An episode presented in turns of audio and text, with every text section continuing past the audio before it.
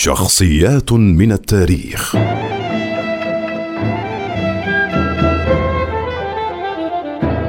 الخنساء واسمها طماضر بنت عمرو السلمية.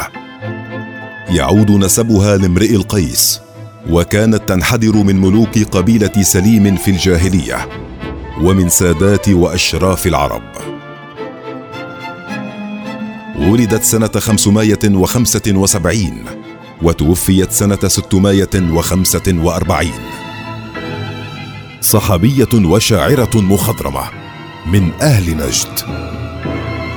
أدركت الجاهلية والإسلام وأسلمت واشتهرت برثائها لأخويها صخر ومعاوية اللذين قتلا في الجاهلية. تزوجت من ابن عمها رواحة بن عبد العزيز السلمي. ثم من مرداس بن أبي عامر السلمي ولقبت بالخنساء بسبب ارتفاع أرنبتي أنفها عن شفتها مع قصر قصبة أنفها ولزوقه بوجهها. تعد الخنساء من أشهر شعراء الجاهلية وقد قامت بكتابة الشعر خصوصا بعد رحيل أخويها وطغى على شعرها الحزن والأسى والفخر والمدح. قال عنها النابغة الذبياني الخنساء أشعر الجن والإنس.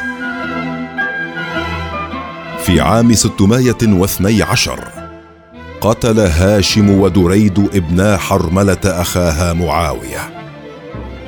قامت الخنساء بتحريض أخيها الأصغر صخر بالثأر. واستطاع الأخير قتل دريد انتقاما لأخيه. ولكنه أصيب وتوفي عام 615 وقيل أن الخنساء أصيبت بالعمى من شدة بكائها على موت أخيها.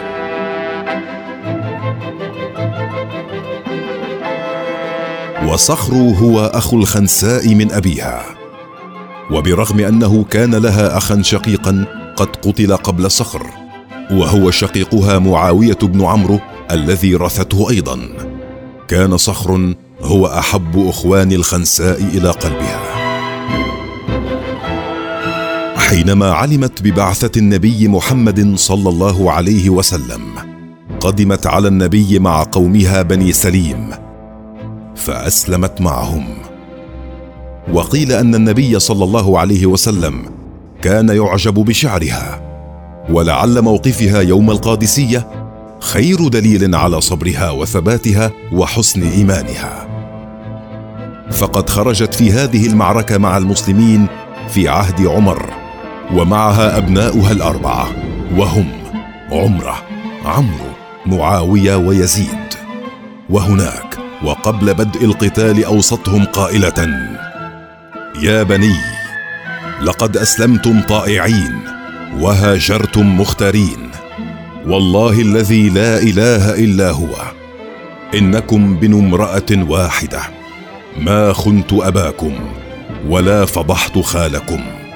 فإذا أصبحتم غدا إن شاء الله سالمين.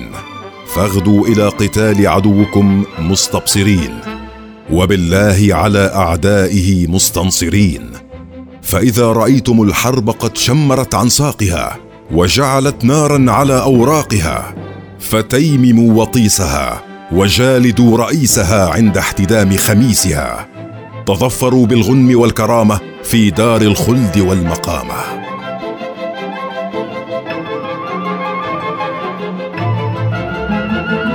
وعندما دارت المعركة استشهد أولادها الأربعة واحدا بعد واحد.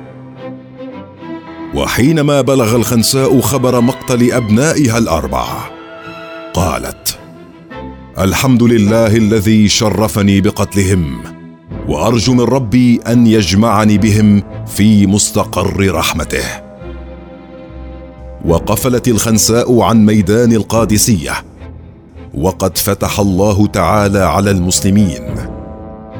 عادت إلى المدينة ثم انصرفت إلى البادية. وقد أنهكتها الأيام والأعوام. وما لبثت أن فارقت الحياة مع مطلع خلافة عثمان بن عفان رضي الله عنه.